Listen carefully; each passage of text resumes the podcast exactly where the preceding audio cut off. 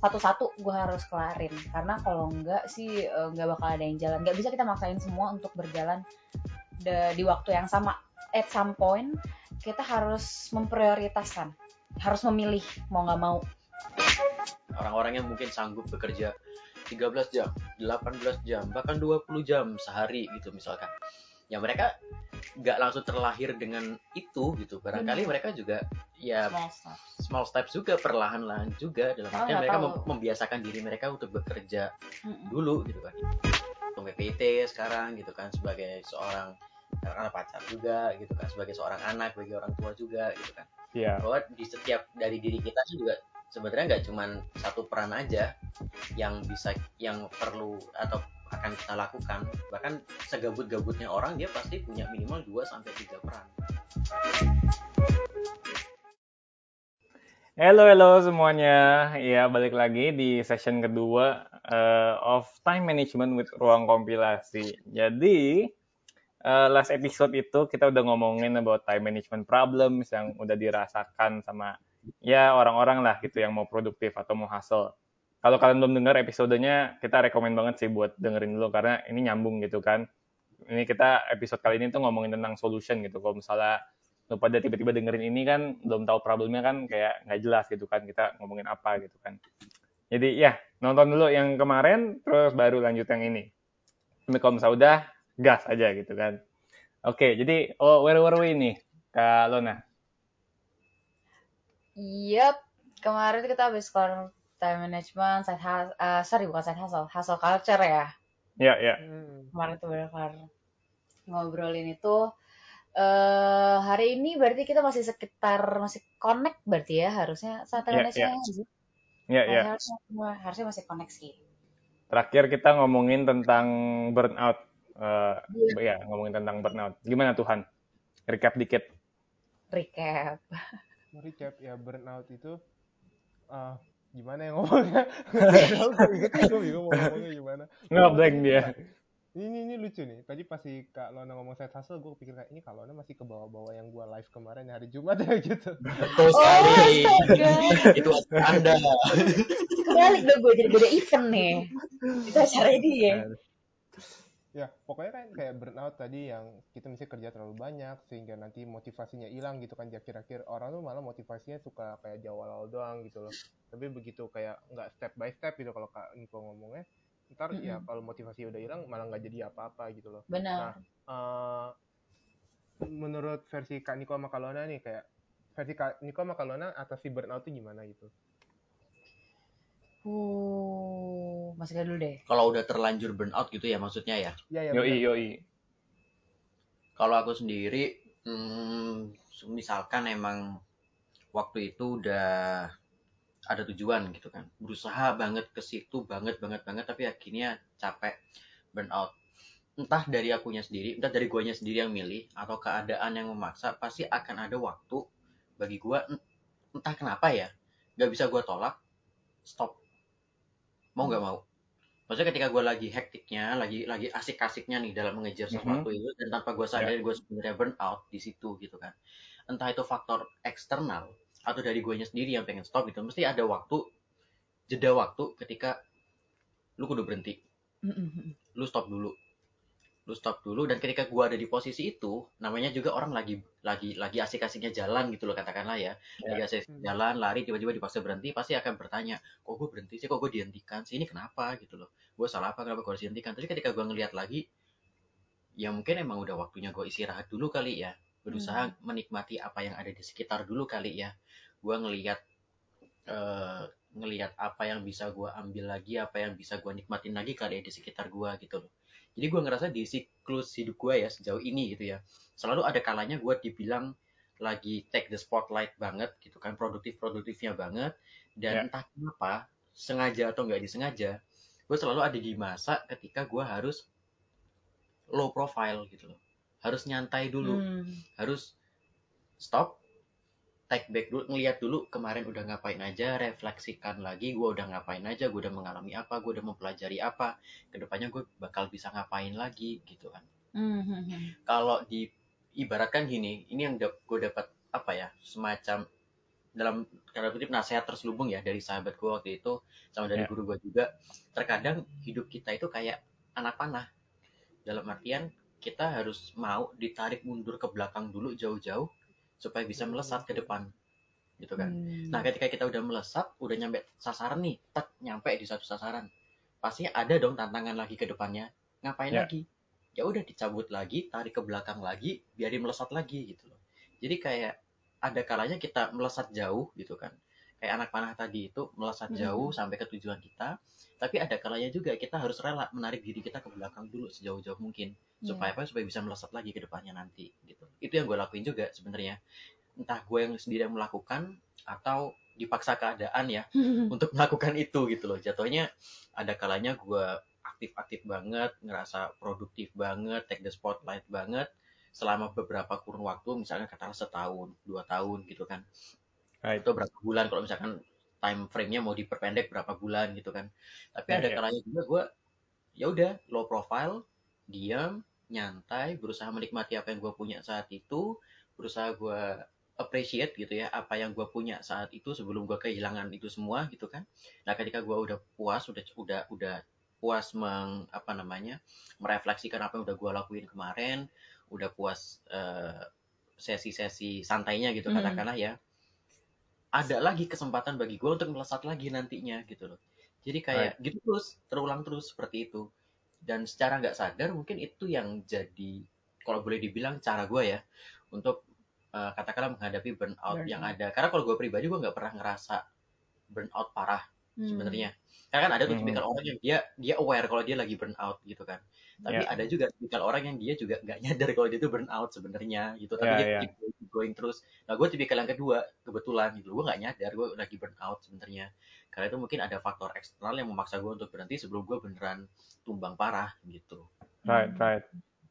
Ya itu pertanyaan sih, Amin. Kalau itu kan dalam kasus yang kayak kita bisa stop gitu kan, kayak maksa kita Hmm. sendiri kita sendiri stop. Tapi kayak what if the moments itu di saat-saat yang nggak allow kita untuk stop gitu kan, kayak there's something yang important banget yang lu mau Mhm. burnout atau enggak, it still has to keep going on, the show must go on itu gimana Ya. gitu? Itu kan yang lumayan sulit ya. Ini itu tantangan itu tantangan sih tetap sebenarnya harus emang balik ke diri masing-masing harus harus ada momennya kita sadar ya kalau ini udah outside dari capability kalau gue biasanya sadarnya adalah ketika gue udah emang udah gak bisa mikir jernih gitu loh Ya. udah ketika buntu buntu banget gue gak bisa kayak udah terlalu banyak hal yang entah kerjaan entah kuliah entah organisasi itu kayak udah nyatu di tengah terus kayak tabrakan gitu loh kayak Hmm. gue udah gak bisa nih mikir jalan keluarnya apa itu di, di momen itu gue sadar sih cuma memang kalau ketika kita the show must go on gitu ya kita udah harus Ya. lanjut ya udah di saat itu kalau gue gue mikirin ini prioritas gue mana nih gue harus tahu lihat dulu ini yang urgent dulu yang mana nih kayaknya. Entah dari sisi waktunya memang udah mepet atau mungkin memang sisi dari kepentingannya dia agak lebih di atas slightly di atas ya. Gue harus di situ dulu sih. Jadi tetap satu-satu gue harus kelarin. Karena kalau enggak sih eh, nggak bakal ada yang jalan. Nggak bisa kita maksain semua untuk berjalan de- di waktu yang sama. At some point kita harus memprioritaskan. Harus memilih mau nggak mau. Kalau enggak eh, nggak bakal jalan sih kita yang bakal bener-bener capek secapek capek capeknya gitu mentok nggak bakal berjalan ke mana-mana gitu sih kadang Right. kayak, Kenapa ngomong dulu Kak Niko? Silakan. kayak nggak kadang kayak nyambung sama punya Lona tadi sih sebenarnya kadang kayak kemampuan untuk tidak melakukan sesuatu itu sama pentingnya dengan kemampuan Hmm. untuk melakukan sesuatu gitu kan Ya, I like that. konteksnya kita burn out nih mau gak mau lu kudu milih dong gitu loh lu mau ngapain gitu kan. Lu mau melakukan dan menyelesaikan hal yang mana dulu mana dulu yang mau lu rela untuk lu tinggal terlebih dahulu gitu kan. Kalau misalkan kita nggak bisa memilih misalkan misalkan kita susah nih memilih skala prioritas tertinggi yang mana ya udah lu milihnya kebalik berarti. Lu milih skala prioritas terendah yang mana itu yang lu sisihkan dulu sementara waktu gitu kan. Baru kalau udah tersisih-sisihkan ya udah kita melakukan yang tersisa. Kadang itu juga bisa jadi salah satu salah satu opsi sih kemampuan kita untuk memilih meninggalkan sesuatu terlebih sementara untuk kita selesaikan sesuatu yang lain lagi. Itu bisa jadi opsi sebenarnya kalau misalkan memang kita lagi buntu-buntunya gitu loh sebenarnya.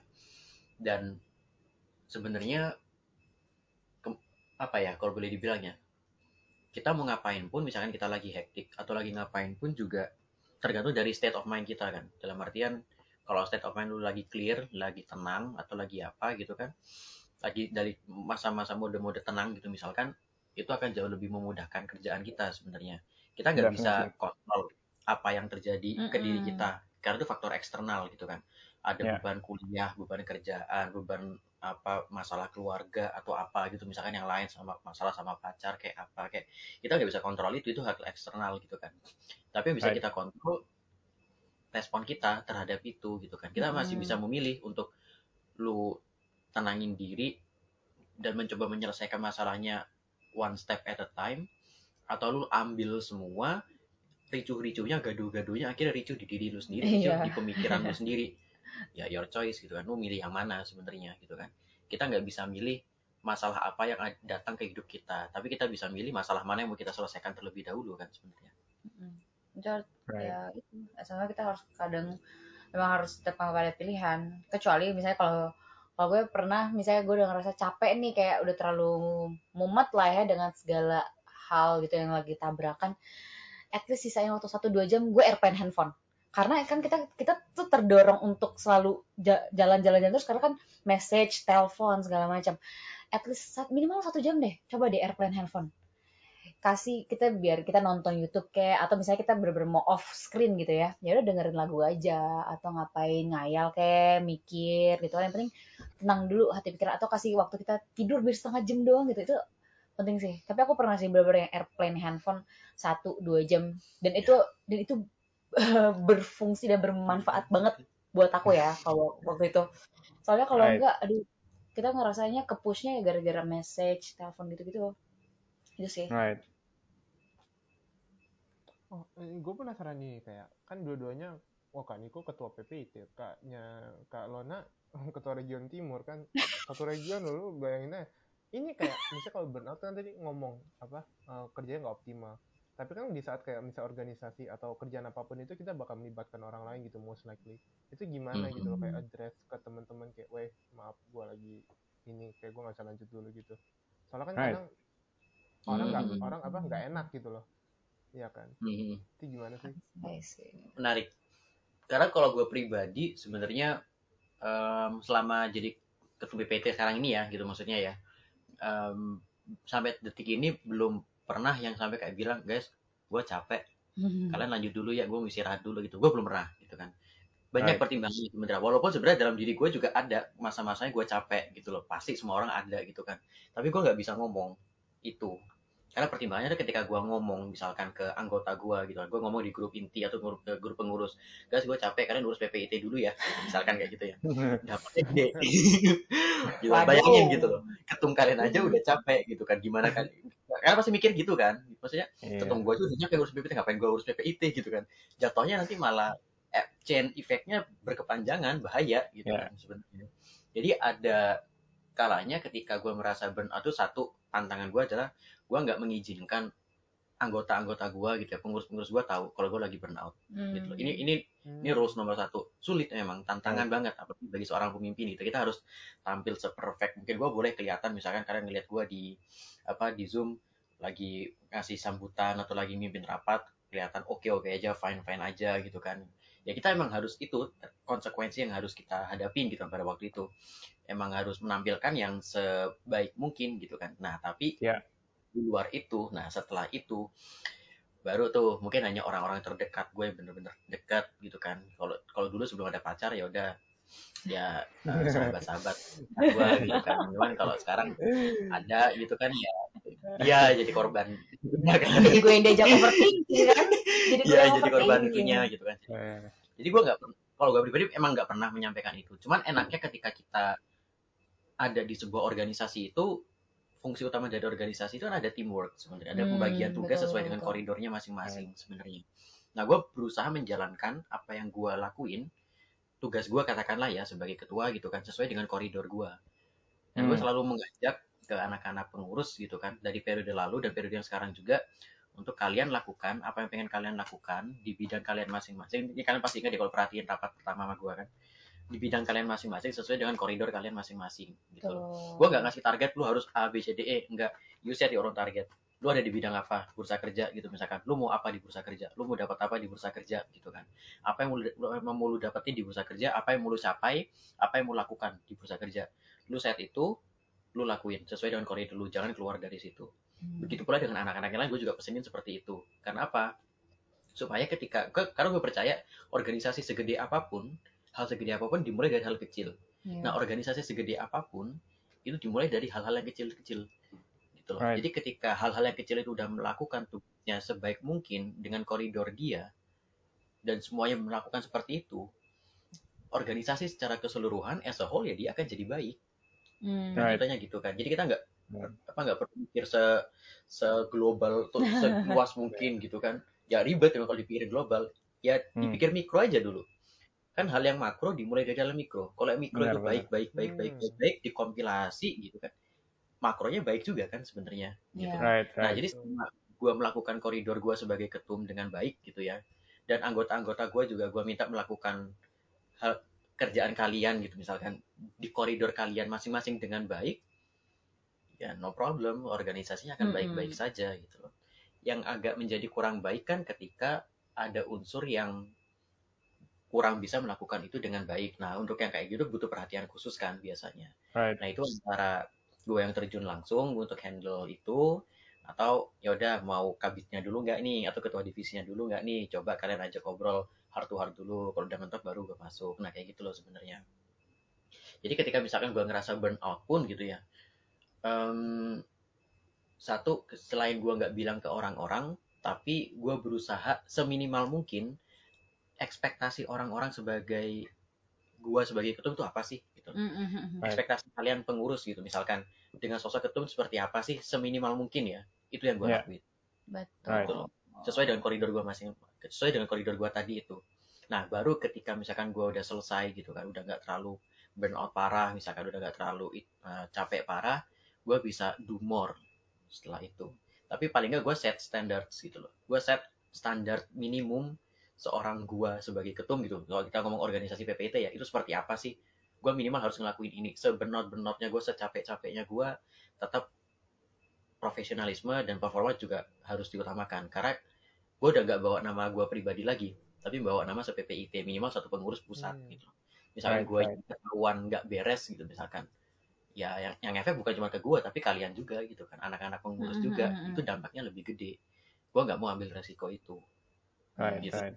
Bener banget. Aku Itu kurang, mm, kurang lebih sama sih. Maksudnya nggak pernah yang kita bilang gue lagi capek gitu nggak nggak bisa. Aku lebih kayak eh alus aja sih guys sorry kalau bisa gue agak slow respon ya lo yang penting komunikasi kayak kita pasti ada grup dengan pengurus masing-masing gitu kan guys sorry Ya. gue mungkin akan agak slow respon gak apa-apa kasih aja alasannya. Oh gue lagi ada lagi ada kerjaan. Tapi sebisa mungkin pasti gue bales. Tapi itu kita juga harus konsekuen. Dalam artian ketika kita nggak sibuk kita juga harus mengusahakan kita fast respon ya gitu loh. Jadi teman-teman memang tahu kita komit ketika kita slow respon oh berarti memang kita lagi kita lagi lagi hektik banget nih gitu loh. Tapi ketika kita kosong kita memang harus meluangkan waktu eh, buat mereka. Karena ya memang untuk di apa ya tanggung jawab yang kita pegang sekarang ini nggak bisa kita lepas lepas tangan katakanlah gitu ya Hmm. kayak gue capek Ya, ya. "Udah, lu pada jalan deh gitu loh itu nggak bisa gitu loh kita tetap harus tetap jalan cuma komunikasi tuh satu harus tetap ada supaya teman-teman tim kita juga nggak tersinggung atau merasa ditinggalkan itu komunikasi penting sih Hmm. gitu yang penting kita tetap eh, jaga komunikasi tahu kapan kita harus eh, berhenti dan tahu kapan kita harus cepat-cepat balik lagi nih back on track lagi. Gitu. Betul. nggak bisa kita gue burn out aduh gue mau selama lamanya deh gue mau pokoknya se- terserah gue deh gue mau istirahat. Tetap kita harus tetap set on time Siapa juga. gitu? Gila dengarnya udah seneng aku tadi bercanda bercanda. Iya kan gitu kan. Jadi gitu sih. Yang penting sadar diri itu perlu juga. Kalau kita punya tanggung jawab sama teman-teman juga. Gitu Right. Um, ya, I think itu something yang kita mesti acknowledge ya, apa sebuah challenge dari seorang figurehead gitu kan. Karena kan sebagai ketua kan kita mer- mer- merupakan figurehead dan we set the mood for the whole organization gitu kan. Um, our listeners juga pasti ada beberapa dari kalian yang juga merupakan seorang figurehead gitu kan. Jadi um, kita ngomongin gini juga karena kita bisa relate lah ya dengan um, Hmm. the challenges yang you guys are going through juga gitu. Dan I Hmm. guess yang bisa dikompal dari tadi gitu, yang tadi Kak eh, Niko sama Kak Lona ngomongin adalah ya kita harus memanusiakan manusia gitu kan. Karena kita sebagai figurehead juga tetap juga we're human gitu kan. Cuman uh, maybe the way kita handle juga rada berbeda karena kan kita juga uh, ada yang namanya um, kerjaan sama ada yang namanya juga personal life gitu kan. Kadang kan kita nggak bisa kasih tahu ke semua orang juga. Jadi we just uh, tell with the one yang kita close juga. So yeah, that's um, that's a good point sih. Right. Betul. Betul, sepakat. Kita harus tahu tahu ini kita lah, tahu diri kita di mana gitu loh. Dan harus bisa balance balance out semuanya aja gitu. Nggak bisa kita terlalu condong kerjaan atau terlalu condong personal life gitu kan. Sesuatu yang berlebihan atau sesuatu yang kekurangan itu kan nggak nggak nggak efeknya selalu nggak bagus gitu loh. Itu kalau dari pengalaman atau bahkan dari dengar orang lain itu pasti selalu kayak gitu. Yang penting maintain aja balance life. Gitu. Right, right. Tapi kalau ini, kan tadi kan kita yang burnout. Tapi gimana kalau kayak apa eh, rekan kerja kita gitu di saat eh, kerjaannya udah mepet atau kayak ini penting banget loh harus dikerjain sekarang tapi kan kalau teman kita yang burnout ntar hasilnya juga nggak maksimal gitu loh nah itu Hmm. gimana tuh kebalikannya Orang lain ya, tem- rekan setim kita gitu kan. rekan yang- setim. Kalau aku sih sebenarnya eh ini sih ngomongnya sebenarnya kalau udah terjadi ya. Cuma kalau misalnya ter- biasanya kita berusaha mencegah gitu. Jadi setiap kali kita setiap kali kita ada plan, yuk kita garap satu event atau satu proker program gitu kan, satu program ini, yuk kita garap yuk. Kita harus satu minta komitmen awal dulu kita siap gak. Kedua eh sebenarnya kita itu maintain alur komunikasi gitu kan dan alur komunikasi gimana caranya kalau mereka ngerasa ini udah agak berlebihan kita juga sebagai tim harus harus ngerti mungkin mereka ada kuliahnya juga. Jadi kita coba eh, kita nggak misalnya kita mau atur jam meeting deh gitu jam rapat. Jangan mereka udah bilang kita ada rapat gini kak. Eh sorry kita ada kelas abis gini gini kak. Jangan juga kita paksa waktunya mepet. Kita harus ngerti mereka juga mereka butuh waktu me time sendiri. Jadi kita set time kapan kita bisa bareng ngumpul di mana teman-teman eh, rasanya oke gitu. Nah sekarang gimana kalau misalnya emang udah terjadi mereka burn out sedangkan waktunya mepet. Satu harus diajak komunikasi lagi gitu kan, itu harus diajak lagi. Dan kalau misalnya memang butuh waktu untuk dia refreshing sendiri, sebenarnya mau nggak mau meskipun itu akan efek ke program yang akan kita jalankan, harus dikasih waktu gitu. Karena eh, hidup dia bukan buat kita doang gitu kan. Hidup dia bukan buat Right. kita doang. Kita Right. harus ngerti dia punya personal life. Dia mungkin bahkan di luar kerjaan organisasi ataupun kuliah dia punya masalah pribadi yang kita nggak tahu gitu kan. Dan kita sebagai rekan tim kita harus cuma bisa support kasih dia waktu. Tapi kita juga minta komitmennya. Kapan lu harus bisa kasih gua kepastian lu bisa balik back on track lagi? Gitu. Jadi kan jadi kita lebih kayak gimana ya? Dalam melakukan atau mengambil suatu keputusan kita selalu berusaha memposisikan kita di uh, sebagai orang itu. Sebagai orang itu kira-kira gue kalau di posisinya gue butuhnya apa ya? Gue kira-kira bisa apa ya? Nah itu gue juga bisa tuntut ke dia balik lagi kayak gitu gitu. Jadi dari itu sih jadi, lebih ada apa ya? Saling support lebih ada kerja sama timnya di situ sih. Jadi menurut gue kalau udah kita dalam satu tim udah bener-bener solid gitu ya kita setiap masalah itu pasti bisa kita lewatin sih gitu. Benar-benar. Kayak tantangan tersendiri nggak sih jatuhnya? Kalau kita itu ngomong diri kita pribadi gitu, oke kita mungkin masih bisa kontrol diri kita gitu kan. Mm-mm. Kita tahu batasan kita di mana. Tapi ketika kita ngomongin itu orang lain yang menjadi seperti itu, gue pun juga selama beberapa kali jadi ketua pun sempat ngalamin hal serupa ketika kita ngerjain project atau apa. Tapi rekan Ya. kerja lagi katakanlah Mm-mm. not in the right mood nih gitu kan buat ngerjain Ya, ya. itu gitu kan mau ngapain gitu kan jatuhnya pemahaman atas kondisi pribadi dia itu sisi humanistik yang bagus approach yang oke. Dalam artian kita harus tahu dulu hidup dia bukan cuma ngurusin organisasi doang. Misalnya kalau kita ngomong konteks PPIT gitu ya. Ya, dia mungkin lain juga. Tapi berarti konsekuensinya dari kita gitu kan adalah kita coba komunikasiin ke dia. Lu masih bisa ngerjain ini atau enggak kalau mau ya pahit-pahitan aja sebenarnya gitu kalau mau ngomong realnya. Lu masih mau kerjain ini atau enggak gitu kan. Kalau misalkan lu Ya. ada kendala atau apa nggak apa-apa bilang aja. Kita cari backup plan backup plan yang lain gitu kan. Kalau kita ngomong konteks ke em, keberlanjutan dari suatu project itu sebenarnya kita juga harus punya gitu kan. Backup plan apa yang mungkin bisa kita kasih atau kita lakukan ketika orang yang handle itu nggak bisa handle dulu untuk sementara waktu. Mau nggak mau itu harus ada entah orang lain yang menggantikan sementara atau kita yang terjun langsung di situ mau nggak mau tetap harus ada gitu kan. Jadi sisi humanistiknya ada sisi profesional untuk proyeknya kelar pun juga Mm-mm. ada. Walaupun dampaknya mau nggak mau suka nggak suka pasti itu ke delay. Mau Ya. nggak mau pasti gitu kan. Yang harusnya selesai kapan malah mundur kapan karena ada permasalahan ini. Tapi selama kita bisa menyelesaikan itu dengan baik sama dia. Kita secara personal gak ada masalah dengan dia. Dan juga kita udah ada backup plan yang oke juga em, untuk menggantikan kekosongan itu tadi.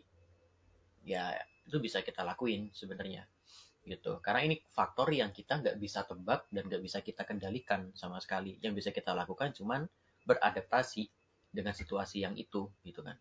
Adaptasinya kita ada backup yang lain atau kita coba solusikan sama dia gitu kalau bisa disolusikan sama dia jauh, jauh lebih bagus tapi misalkan nggak bisa pun ya udah lu butuh waktu buat menenangkan diri silahkan tapi sorry to say project ini tetap harus jalan Mm-mm. gitu Right, right.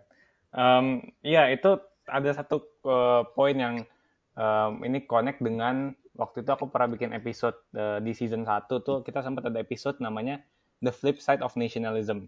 Jadi uh, konteksnya adalah begini kak.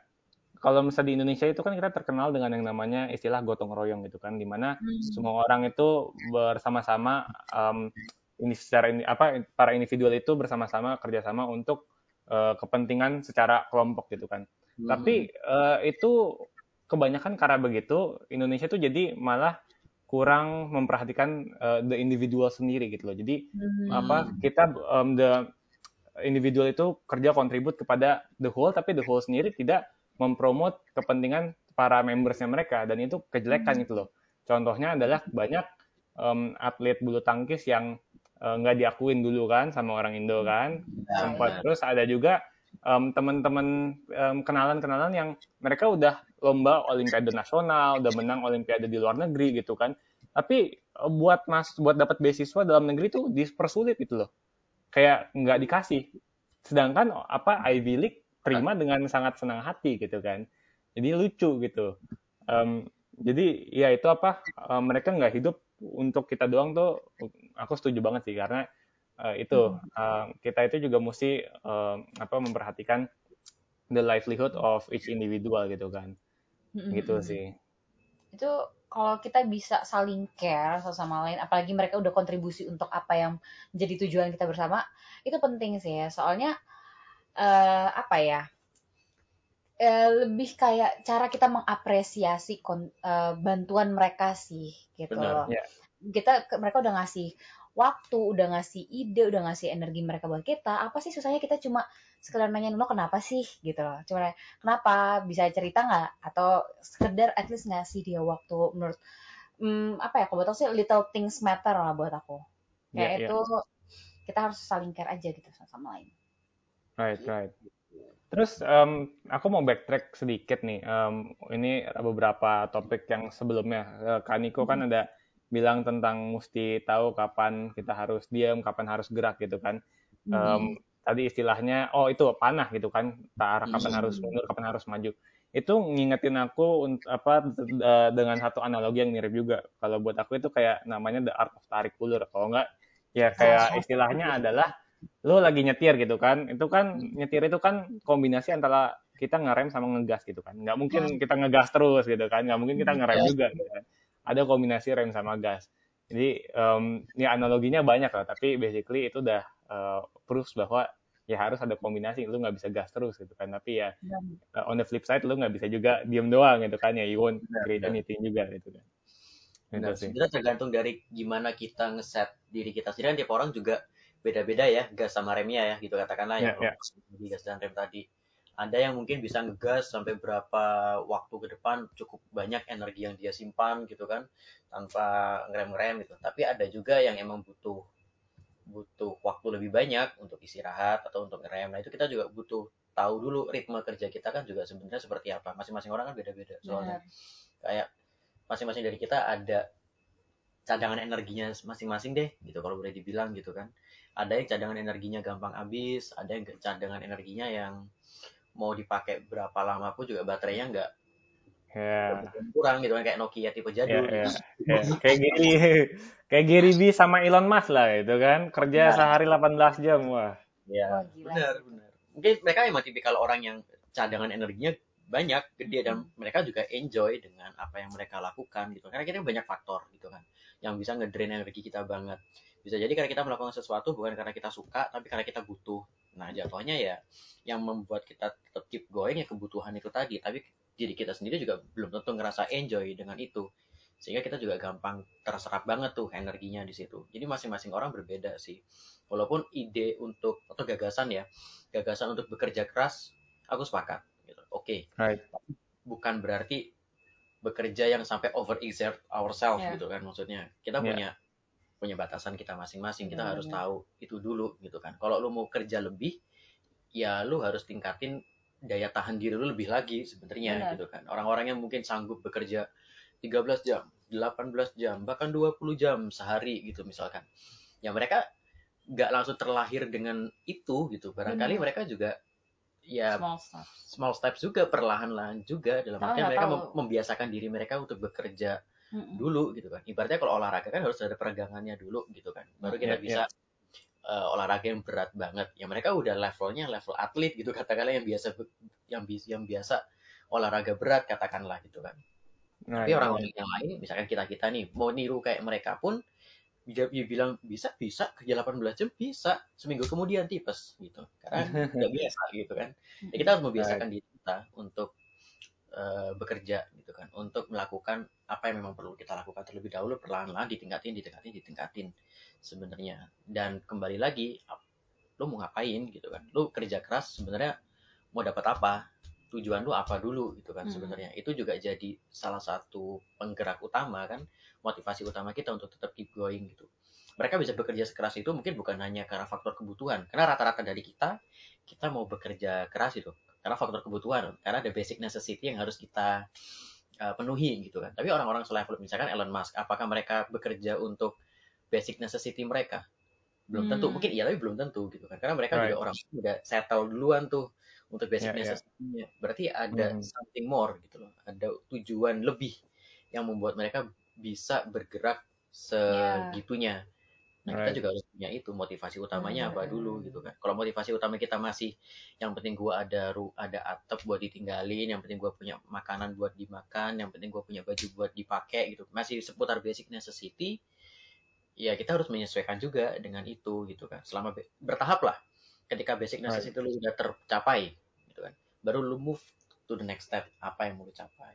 Apa yang mau lu capai. Dan di setiap tantangan itu kan butuh energi yang berbeda-beda juga Mm-mm. Right, right. nggak semua orang punya satu nggak semua orang punya energi yang sama kemudian juga ya seberapa eh, kerasnya kita kerja itu kadang tergantung itu tujuan kita yang kita mau eh, yang kita mau capai itu apa kalau masih sekedar di kebutuhan ya eh, kita tahu diri lah kita eh, cuma bisa mencapai di mana cuma memang kalau Ya. memang kita punya tujuan yang purpose yang gede gitu ya yang tinggi ya memang kita memang harus ekstra gitu nggak ada sesuatu yang sesuatu yang eh, begitu tinggi gampang untuk dicapai gitu kan. Dan yang perlu hati-hati adalah satu ketika kita membandingkan diri kita dengan orang lain Nah. ataupun eh, kita mengambil patokan suatu figure. Kita gini kata kalau misalnya katakanlah tadi Elon Musk di kita nggak tahu dia bisa sekarang bisa kuat untuk kerja eh, begitu panjang jamnya dalam sehari itu faktornya apa aja. Kalau dulu mungkin dia cuma small small steps aja cuma kerja mungkin ya jam normalnya orang kerja ya. Sekarang dia Hmm. kuat kuat kerja lama kenapa dia punya uang cuy dia mau beli dia mau booster untuk dirinya sendiri dia punya duit kadang kita harus mikirnya banyak Ya. banget variabel variabel yang Right, kadang-kadang kita right. nggak mikir dia punya banyak orang dia punya dokter pribadi of course dia bisa maintain kesehatannya dia bisa punya waktu untuk eh, atau at least orang-orang yang report eh, apa ya kesehatan lu sekarang kayak gini nih. Lu masih bisa capable lanjutin. Kalau lu nggak bisa pasti juga disuruh stop gitu.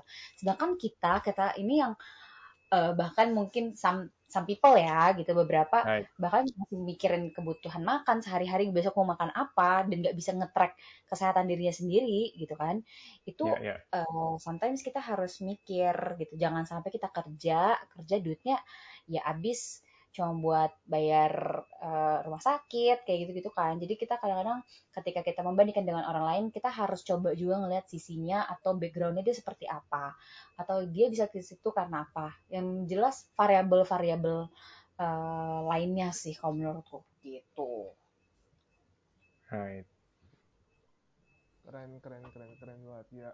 Ini kayak kalau nama Kak Niko ini cocok nulis buku kali ya. Ide bagus. Boleh tuh, gila gila. podcast aja susah nulis buku lagi. Nih nyari Udah dulu pengen gitu loh punya buku minimal satu gitu kan. Udah udah ada ancang-ancang tuh pengen nulis. Cuman mau nulis satu paragraf aja kayak susah banget gitu. Kan penyakit. Orang nulis kadang gitu ya. Untuk memulai itu susah banget gitu. Tapi bukan udah ngetik sih ngetik-ngetik aja. Cuman ya tetap lah tantangan sih. Pengen sih. Nanti ya ditunggu buku kita ya. Udah ada ini ya, transkrip ya. Gak Lah, ada transkrip di otak. Aminkan aja. Mungkin kalau kita udah gabut ya udah nggak nggak ada kerjaan fiktif udah gabut lah. Coba usahakan ya guys. Waduh, malah amin, susah meluangkan pikiran tuh. Kan biar title-nya keren gitu kan, podcaster, book writer, apalagi. Bla bla bla bla bla. Kumpulin title dulu gitu kan Kumpulin Baru title. Iya, iya. Nanti aku aku beli, aku beli. Aku janji kalau kalau dakor aku beli. Selama Iya. nanti nggak nggak Tetap aneh ya. sama sama Sam pembeli pertama Boleh, Iya. Wah, boleh. boleh, Maya Anwar ya. kita orderin Oh, sip, sip, sip, sip, sip. Diantar ke rumah? Iya, diantar ya? Sama orangnya langsung? Eh, Ah, ya kita antar langsung kita antar langsung. Kita antar langsung tenang aja. Mudah-mudahan di saat itu media sosial masih Instagram ya mudah-mudahan. Jadi masih terkonek kita. Kalau udah bukan Instagram kita udah nggak tahu di mana. Kontak-kontaknya ntar. LinkedIn. Aduh, aduh, oh gampang iya lah, bener LinkedIn. tapi aku jarang cek LinkedIn sih. Nanti, nanti, nanti kita bagi-bagi deh. Ini dulu, ini dulu. Ah, ya zaman sekarang kan- teknologi udah. Iya, iya, benar. Kak Niko, Kak Niko, aku mau nanya deh. Kan Kak Niko ada sempat ngomong kayak bagi waktu, bagi diri. Wih, udah kayak filosofi, udah kayak teorinya Aristoteles gitu ya. Ada kalimat, phrase apa gitu. Mungkin Kak Niko boleh dong jelasin lagi gitu tentang hal itu. yang mana sorry sorry kalimat yang Tentang mana tentang apa? Em, ya, membagi waktu dan membagi diri.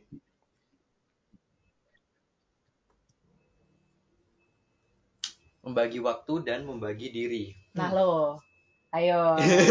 Ayo, ayo. Em, kalau dari gue gimana ya membagi waktu dan membagi diri? Satu tantangan sih pasti. Dalam artian gini ketika kita jadi seseorang yang bukan hanya menjadi diri kita gitu kan. Dalam artian kita gua misalkan gua Niko gitu kan bukan hanya sebagai mahasiswa bukan hanya sebagai eh, karyawan katakanlah sekarang yang karena kerja gitu kan. Tapi juga sebagai apa namanya sebagai ketua PPT sekarang gitu kan. Sebagai seorang katakanlah pacar juga gitu kan. Sebagai seorang anak bagi orang tua juga gitu kan. Iya. bahwa di setiap dari diri kita juga sebenarnya nggak cuman satu peran aja yang bisa yang perlu atau akan kita lakukan. Bahkan segabut-gabutnya orang dia pasti punya minimal 2 sampai tiga peran yang dia jalanin di kehidupan sehari-hari dia gitu loh. Kita juga nggak terkecualikan gitu kan sebenarnya. Nah kadang suka kecampur-campur tuh gitu kan. Kalau dari aku ya ngerasanya. Awal-awalnya juga suka kecampur-campur tuh. Kita nggak bisa bedakan kapan kita sebagai eh, karyawan misalkan di suatu perusahaan kita kecampur-campur sama posisi sebagai ketua di organisasi yang lain sama kadang itu juga kebawa misalkan lagi ngobrol sama temen atau ngobrol sama pasangan pacar gitu misalkan jadi kemampuan Hmm. buat kadang kadang ya ini buat bahan sharing aja sih buat yang kali ini entah pertanyaan entah endingnya pertanyaan atau pernyataan nanti silakan direspon deh sama kalian juga gitu kan Right, right. tapi kadang ketika Oke. kita punya banyak dunia kayak gitu kan. Dengan banyak posisi yang berbeda jatuhnya itu kita agak kesulitan untuk membedakan kita ada di posisi mana sekarang gitu loh. Kadang suka kebawa-bawa aja kadang masalah di mana masalah di kerjaan bisa ke bawah sampai ke arah organisasi sampai ke, ke arah pertemanan begitu pula sebaliknya dan lain sebagainya gitu kan. Jadi ide untuk keep profesional dengan apa yang kita lakukan di setiap waktu itu itu jadi tantangan bagi setiap orang sebenarnya. Mungkin kalian pun juga sempat ngerasain itu gitu kan. Ya gue sekarang di PPT boleh lah. Gue sebagai ketum gitu kan.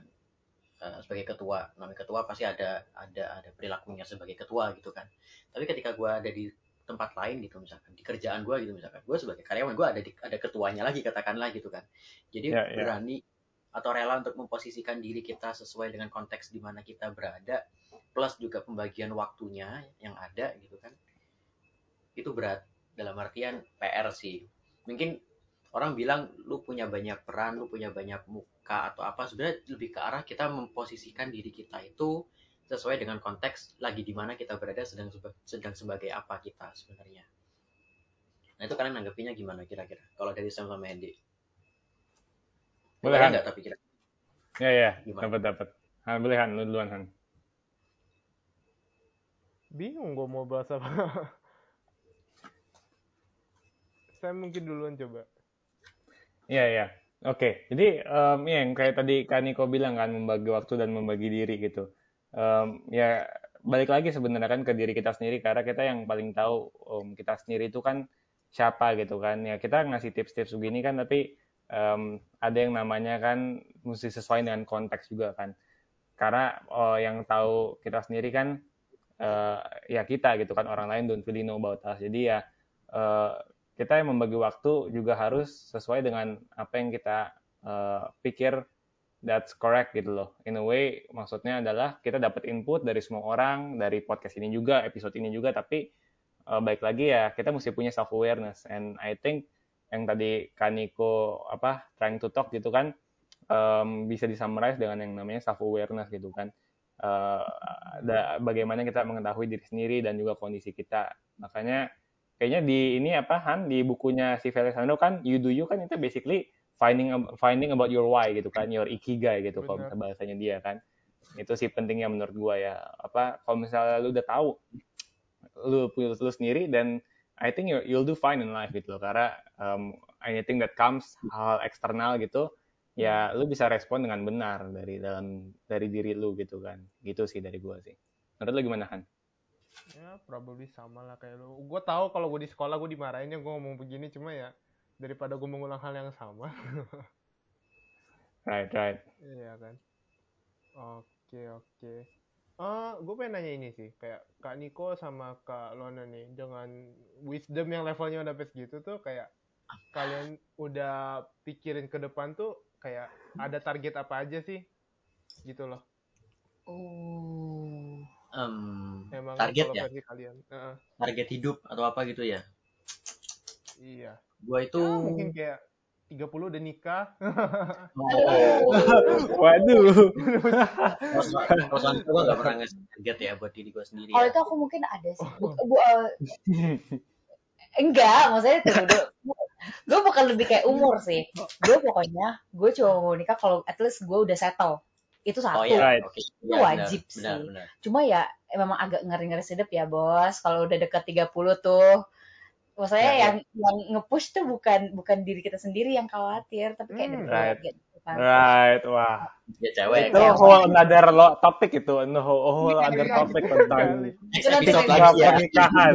gitu, Aduh target itu kalau untuk target ya gitu personal life ya cuma kalau untuk target kayak diri sendiri achievement ya yang pen kalau gue sejauh ini lebih kayak yang penting gue berguna dulu buat orang lain satu gue harus bisa berdampak buat orang lain mungkin untuk right. timeline-nya gue gak tahu kapan. Mudah-mudahan nggak sampai 25 tahun ya.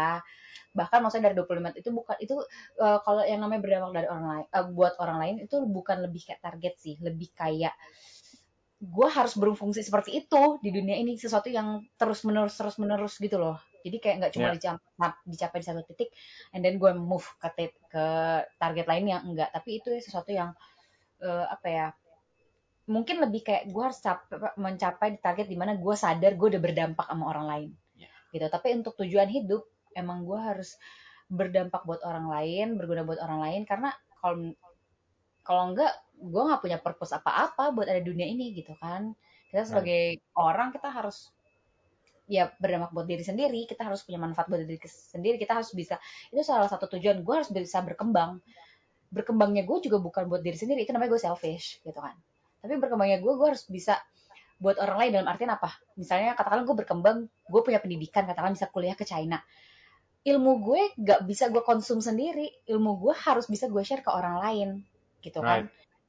I- mungkin dari buat adik gue buat keluarga gue atau misalnya buat anak gue nanti gitu kan? Yang Mhm. penting apa pun yang kita lakukan eh, itu kita nggak boleh mikir buat diri kita sendiri. Kita harus mikir tujuannya akan ada orang lain terdampak oleh apa yang kita lakukan. That's why dalam step apa pun yang gue lakukan gue berusaha semaksimal mungkin karena nanti secara nggak langsung nggak mungkin dalam nggak dalam jangka pendek tapi dalam jangka panjang itu akan punya efeknya ke orang lain juga gitu. Ya, itu sih kalau dari gue sebaik-baiknya orang kan dia yang bermanfaat bagi orang lain kan sebenarnya gitu loh. Mm-mm. Dan kalau gue pribadi juga jujur ya, sebenarnya kalau dulu pas zaman sekolah gitu kan, gue mengkategorikan fase hidup gue pas zaman sekolah sama pasca sekolah sebenarnya. Karena beda, boleh boleh dibilang gitu kan. Karena ketika misalkan gue masih di sekolah SMP, SMA, gue boleh dibilang gue punya target. Dalam artian gue pengen jadi spesifik gitu malah. Gue pengen Iya, jadi ini, gue pengen jadi katakanlah dulu ilmuwan, menemukan hal penting, bermanfaat bagi semua orang gitu kan. Macamnya kayak Isaac Newton atau Albert Einstein atau apa. Gue gak kepikiran kayak gitu dulu. Zaman sekolah. Wow. Spesifik, exact, spesifik, pengen kayak gitu gitu kan. Tapi kalau sekarang gitu ya, justru malah eh, entah itu gue nggak bilang itu suatu kemunduran atau kemajuan atau apa pun itu tapi ada perkembangan dan perbedaan pola pikir dalam artian kalau dulu Ya. gue pikirnya spesifik pengen ini ini ini ini gitu kan tapi kalau sekarang gue lebih keep my options open dalam artian mau jadi apa gue nanti ke depannya gitu ya yang penting orang ngerasa berterima kasih dengan kehadiran gue Hmm. yang penting Right. itu dulu deh percuma lu jadi ilmuwan atau apa gitu misalkan tapi orang sekitar lu juga nggak merasa ke- kebaikan dari adanya lu gitu kan sebenarnya gitu loh. Jadi di mana pun gue berada nanti gue ditempatin di mana gue mau jadi apa posisi apa pun gitu ya. Yang penting orang ngerasa bersyukur ada gue di situ berterima kasih ada gue di situ. Kehadiran gue di di appreciate lah oleh orang-orang yang ada di sekitar gue oh untung ada Niko gitu. Maksudnya kayak seperti itu kan. Seperti itu yang pengen gue capai sebenarnya di mana pun itu nantinya. Walau memang untuk yang kayak gini kayak nggak ada satu spesifik goals tertentu gitu kan. Kayak titik tertentu yang mau kita tuju. Kayak lu mau ke puncak gitu misalkan. Enggak Hmm. memang enggak gue akuin enggak tapi justru dengan dengan gue berpikir seperti ini ya lebih ke arah ya lu ada di mana pun jadi apa pun selama lu baik dan membawa kebaikan ya udah gitu loh selesai Hmm. masih butuh apa lagi gitu kan sebenarnya kan orang kita hidup juga kalau misalkan nggak bermanfaat bagi orang misalkan nggak bawa kebaikan bagi orang ya juga buat apa gitu kan sebenarnya agak Right. useless juga lu percuma kejar-kejar impian kejar impian kejar Iya. impian itu kan impian kan kita kita doang yang punya gitu Mm-mm. dalam artian self centered tapi apakah ketika kita mencapai impian tersebut kita bisa berdampak baik bagi orang yang ada di sekitar ya itu the real challenge kan sebenarnya tantangan sebenarnya di situ gitu loh. Itu kalau kaitannya sama orang yang di luar kita gitu kan. Tapi kalau personal life ya kalau gue ya Mhm. beneran pribadi banget ini sifatnya pribadi banget gak ada urusannya sama orang lain bahkan gitu kan. Pribadi banget kalau dari gue sendiri gitu. Kalian percaya nggak? Kalau gue pengen suatu saat nanti gue bisa tenang main PS seharian setiap hari tanpa kepikiran anak sekolahnya gimana cara bayar listrik gimana air gimana karena semuanya udah tercukupin Wah. itu kalau menurut gue banget Oh, Right. oh ya. agak aneh gak? Tapi bisa dibilang suatu goal ya. Terlepas kalau dari yang tadi kan lebih kayak yang ini. Coba kalau Mm-mm. dulu gue juga eh, bukan dulu sih sampai sekarang mungkin juga ada kepikiran gitu. Mungkin definisi ya sukses beda-beda. Cuma mungkin secara finansial kalau di gue itu adalah gue sukses secara finansial ketika gue beli apa pun gue nggak ngeletek harga. Sumpah. Right. Itu, itu bener-bener goal banget kayak Iya. Setuju, setuju. mau beli apa pun kita nggak Iya. mikirin ini mahal ini berapa tapi ya udah bebas aja, itu secara gitu kan. finansial ya tapi kalau secara Right. sukses untuk life purpose beda lagi tapi untuk secara finansial itu sih yang masih menjadi yang masih nempel di otak gitu itu Iya, iya. impian impian itu sama kayak gue tadi juga impiannya gitu sih sebenarnya terlepas dari apakah gue jadi apa bermanfaat atau enggak bagi orang itu wajib pasti gitu kan itu yang dampaknya ke orang sekitar gitu Tapi Mm-mm. kalau murni kita ngomongin koridornya ke gua doang nih, gitu personal Right. banget nih. Itu sih cuy. Kalian kebayang nggak?